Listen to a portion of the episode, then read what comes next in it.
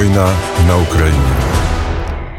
Ольга Сямашкаля мікрафона нагадаю што вы на беларускай хвале радыонет і сушым мы за асноўнымі падзеямі а пасля расказваем вам пра іх у каментарыях наших экспертаў у краіне не пажадалі бачыць федэральнага прэзідэнта германії франка вальтера штейнмайера дакладней назвалі гэта візіт непажаданым з-за нямецкай пазіцыі ў дачыненні да рассіі. Аўстрыя таксама займае ў дачыненні да рассіі спрэчнае становішча, але яе канцлера зяленскі прыняў і нават паспрабаваў пераканаць не ездзіць да Пуціна, куды не хамер накіраваўся адразу пасля Кіева.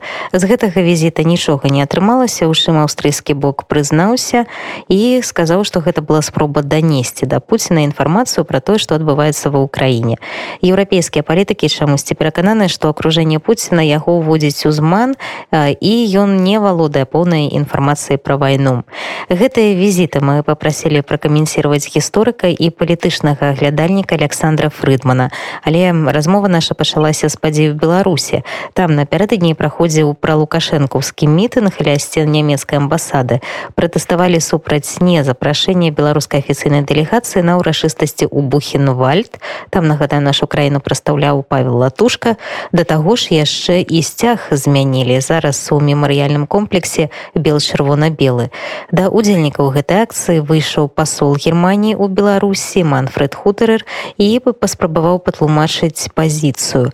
Выйшла шчыра кажучы не вельмі шкадаванні пасля што рассію беларусь не запрасілі ў бухенвальд а таксама тое што афіцыйны берлін не мае дачынення да замены сцяга тут жа падхапіла беларуская прапаганда ў сваіх сваіх мэтах паслом бо гэта гісторыя наступная. Тут ўсё залежыць ад таго як яго чуць. Ён размаўляе там на рускай мове а на самой справе ён імкнецца перакладаць свае мыслі з нямецкай мовы. Калі б ён размаўляў на нямецкай мове і тое ж самае было б сказано на нямецкай мове гэта гучала бы ну зусім іншым чынам. Гэта аніякае неапраўданне з яго боку гэта хутчэй такое тлумачэнне. Ён там імкнецца просто гэтым людям патлумачыць что там на самой справе адбылося что гэта не рашэнне федэральнага ўраду что гэта рашэнне гэтага мемар'яла і гэта я не бачу гэтые відэа цалкам але напэўна ён і тлумачыць что гэта звязана з расійскай ракетай якая потрапіла і забіла вось гэтага украінскага ветэрана барыса романчынку і іншае Так что гэта просто тлумачэнне я б не сказаў что ён там нейкім чынам апраўдваецца не ён не апраўдваецца гэта такія абсалютна агульныя дыпламатычныя словы якія ідуць. Іншае пытанне чаму ён увогуле выйшаў до да гэтай публікі. Ну Мабыць ён лічыць что нават і з гэтай публікай трэба размаўляць. Але ж мы там бачылі что там за людзі былі як агрэсіўна яны былі настроены что там ад іх сыходзіла якая ненавісць ідзей таму ці мела сэнс размаўляць размаўляць з гэтымі людзьмі увогуле з гэтай інсцэніроўкай каля амбасады Ну гэта ўжо такое пытанне Ну і атрымалася тое што атрымалася што яны выкарыстаюць гэта ў прапагандзе напэўна гэта будзе паўсюднасць у навінах і зразумела яны там вырываюць яго словы з кантэксту Так што гэта такая ну неудалая гісторыя атрымалася назовем гэта так. Ну гэта як тлумачэнне цяпер Аўстрыя. Ну выніку няма. І гэта і гэта было чакана што там ніякіх вынікаў быць быць не можа. Гэта такая ну вельмі дзівосная гісторыя. Перш за ўсё на мінулым тыдні ён накіраваўся у Кіяў і быў таксама ў бучы. Увогуле тое што ён паехаў на Украіну гэта трохі здзівіла гледзячы на тое што у дачыненне да санкцыяў Австрыя займае вельмі стрыманую пазіцыю. І шэраг аўстрыйскіх канцэрнаў банкаў прадпрыемстваў працягваюць працаваць на расійскім рынку. Так што вось гэтая стрыманая пазіцыя тое что ён у таких умовах накіроўваецца ў Кіяў гэта было трохі надзвычайна. Ну перамовы там былі добрыя кадры былі таксама такія досыць моцныя ён і ў бучы показаў что гэта яго сапраўды закранула і выказванні зяленскага былі адпаведныя. А потым прыйшла гэтая інфармацыя что ён усё ж таки збіраецца у Москву і украінскі бок таксама про гэта выказаўся это дарэчы асаблівасці украінскай дыпламаты украінская дыпламатыя дзейнічае вельмі адкрыты калі ўкраіне нешта не падабаецца дык Украіна гэта показвае і ў гэтым выпадку украінскі бок сказаў ну нічога з гэтага не будзе што не мае аніякага сэнса асабліва пасля таго што канцлер побачыў лучший ехаць туды ў Россию да Путина. Ну як мы сёння ведаем гэта была тая акцыя якую ён абмеркаваў нехамер і з э, федеральным канцлером шольцам і з э, кіраўнічкай еўрапейскай камісіі фондерлайн і з турэцкім прэзідэнтам эрдаганам ён паехаў туды ў Москву як каб паспрыяць мірным перамовам паміж краінай Росіі і з другога боку адкрыта сказаць Пуціну і пра гэтыя военные злачынствы ў бучы і пра санкцыі іншыя. Аўстрыйскі бок ён паклапаціўся пра тое каб не было непрыемных дымкаў там не было ніякіх ніякай протакольных здымкаў нічога не было. Не было прэс-канферэнцыі пасля гэтага так что такія вельмі цікавыя умовы высунул аўстрыйскі бок что мы едем туды з Путиным размаўляць але мы показываем стаўленне то яго. Нехамер выказаў сваю пазіцыю Путин выказаў сваю пазіцыю яны мирнага выйсця з гэтай войны наблізіліся мы ведаем что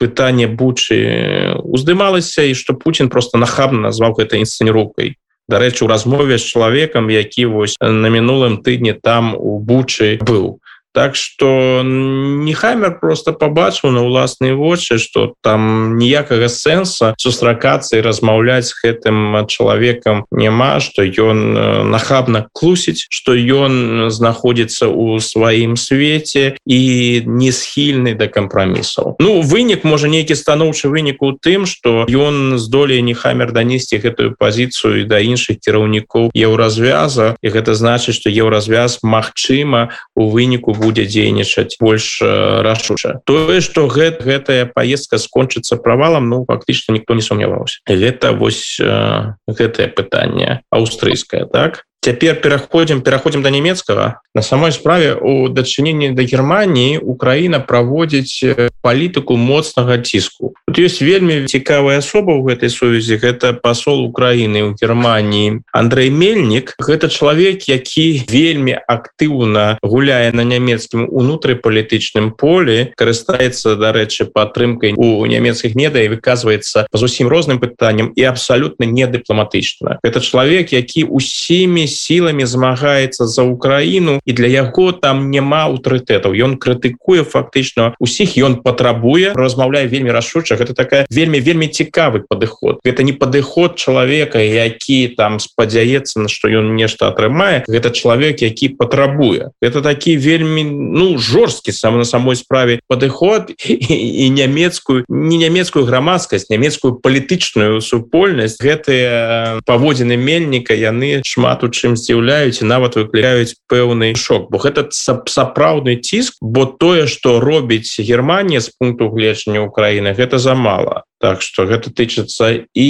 удзела Геррманіі ў эканамічных санкцыях і пастаўкі зброі іншыя пытанні ціск ён сапраўды сапраўды вельмі моцны і нямецкія ўлады яны мусяць на гэты ціск рэагаваць. Что тычыцца федеральнага прэзідэнта штайнмайера ён увасабленне вось у той мінулай нямецкай палітыкі разлічанай на шчыльнае перш за ўсё эканамічнае супрацоўніцтва з Росіяй і он фактычны архітэктар гэтай палітыкі. Яшчэ з э, часоў шродера калі ён узначальваў ведомства федеральнага канцлера потым ва ўрадах мер меркель дзе ён два разы быў міністрам замежных справаў ён адзін з э, людзей якія спрыялі мінскім пагадненнем. Гэта ўсё такі шлейф э, які цягнецца за штайнмайером это чалавек які прасоўваў паўночны поток 2 гэта чалавек які заўсёды лічыў что трэба пры вырашэнні пытання усходнееўрапейскіх краінаў улічваць інтарэсы Росіі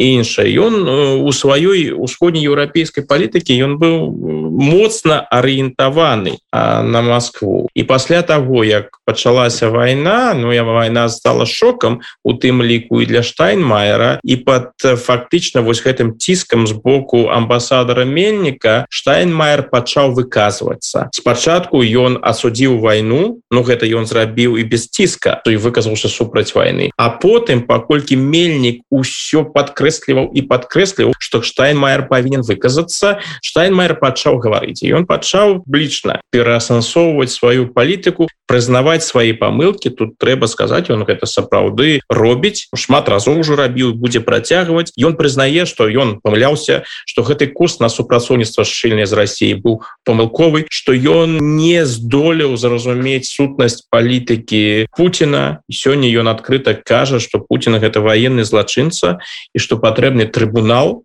над э, Путиным патрэбна расследаваннях гэтых злачынцаў і вось э, як бы такой прамежкавай кропкай скандалу вакол штайнмайера стала яго жаданне накіравацца ў Кіев і вось тут была адмова открытая адмова з украінскага боку дзе адкрыта сказалі что ён не я не лічаць яго пожаданай персонай у Киеве что з ім там ніхто сустракацца не будзе так бы мовіць добра что ты зразумеў хібы сваёй палітыкі але ты яе рабіў. І тое что ты сёння тут э, распавядаешь твой сённяшні астракізм тое что ты сёння посыпаешь галаву попелам ну добра что ты гэта робіш. Але нас гэта ўжо асабліва не цікавіць. Мы бачым вынікі гэтай палітыкі. Мы бачым моцную прывязку нямецкай эканомікі до России мы бачым тое что Германія сёння фактычна не ідзе на тое каб падтрымаць санкцыі супраць расійскага газу і расійскай науты мы гэта бачым і таму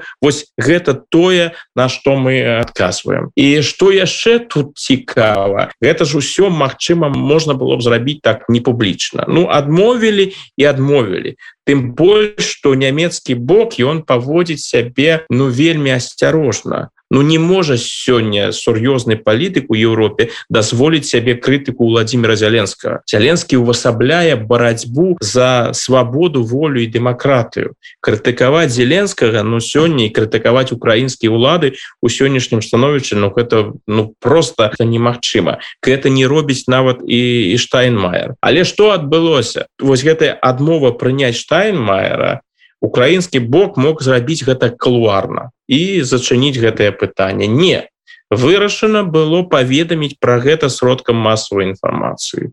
І сёння гэтая тэма актыўна абмяркоўваецца. Значыцца Украіна пайшла на абвастрэнне сітуацыі не толькі адмовіла штайнмайеру але яшчэ і падкрэсліла публічна што яна адмаўляе. І гэта стратэгія. Мне падаецца у Киеве лічаць і гэта можа быць досыць эфектыўнай стратэгіі дарэчы што вось гэты ціск і гэта маральная перавага з нямецкага боку яна дазволіць дасягнуць сваіх мэтаў гэта значыць больш рашучая падтрымка санкцыяў з боку Геррманіі і таксама пастаўкі зброі менавіта зброю сёння чакае украінскі бок ад берліну гэтае чаканне нейкай нейкай большай рашучасці ад берліну насколькі яно ну справядліва тому что ўсё ж таки калі паглядзець то як нямецчына дапамагае Украіне у гэтай вайне у гэтую дапамогу нельга назваць невялікай ці недастатковай нямецчына робіць што можа у да у дадзеным выпадку. Это цяжкае пытанне на самой справе я б адказаў на гэтае пытанне наступным чынам у дачыненні да нямецкай палітыкі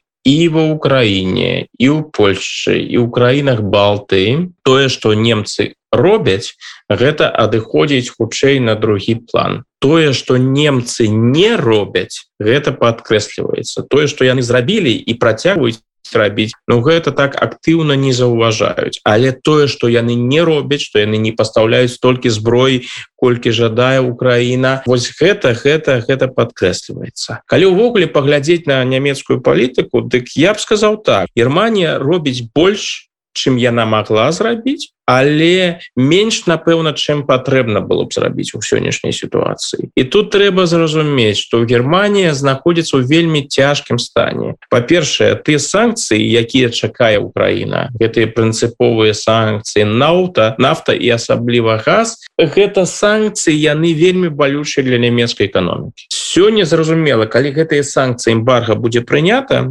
справа зойдзе да эмбарха гэта пагоршыць стан нямецкай эканомікі. І прынцыпе это значит таксама паўплывае на настрой на настрой грамадстве і нямецкі урад гэта дакладна ведае і таму ставіцца да гэтага так асцярожна что тычыцца зброі Ну гэтае пытанне нямецкая зброя для Украіны гэтае пытанне яно ж уздымалася яшчэ да войны безумоўна гэтая зброя яна не мае такога вырашальнага значэння у гэтай вайне. Тое что пастаўляюць амерыканцы асабліва амерыканцы таксама брытанцы гэта мае куды большее значэнне для украінскай арміі. Тут тычыцца нямецкай зброі тое что Украіна можа атрымаць ад Геррманіі Ну гэта не такі ўжо вельмі важные рэчы. Гэта хутчэй такое вось сімвалічнае пытанне. І тут яшчэ вось что трэба улічваць магчымасці пастаўляць ёсць і яны яшчэ відавочна не вычарпаны. Гэта с аднаго боку. Але з другого боку трэба шчыра сказаць что магчымасці абмежаваныя бо той жа нямецкі бундесвер ну знаходзіцца так бы мовіць не ў найлепшым стане. Так что гэтае пытанне зброі яно вельмі эмацыйнае і гэта зразумела. І мне падаецца яму часам нават надаецца большая увага чым гэтае пытанне на самой справе заслугоўвае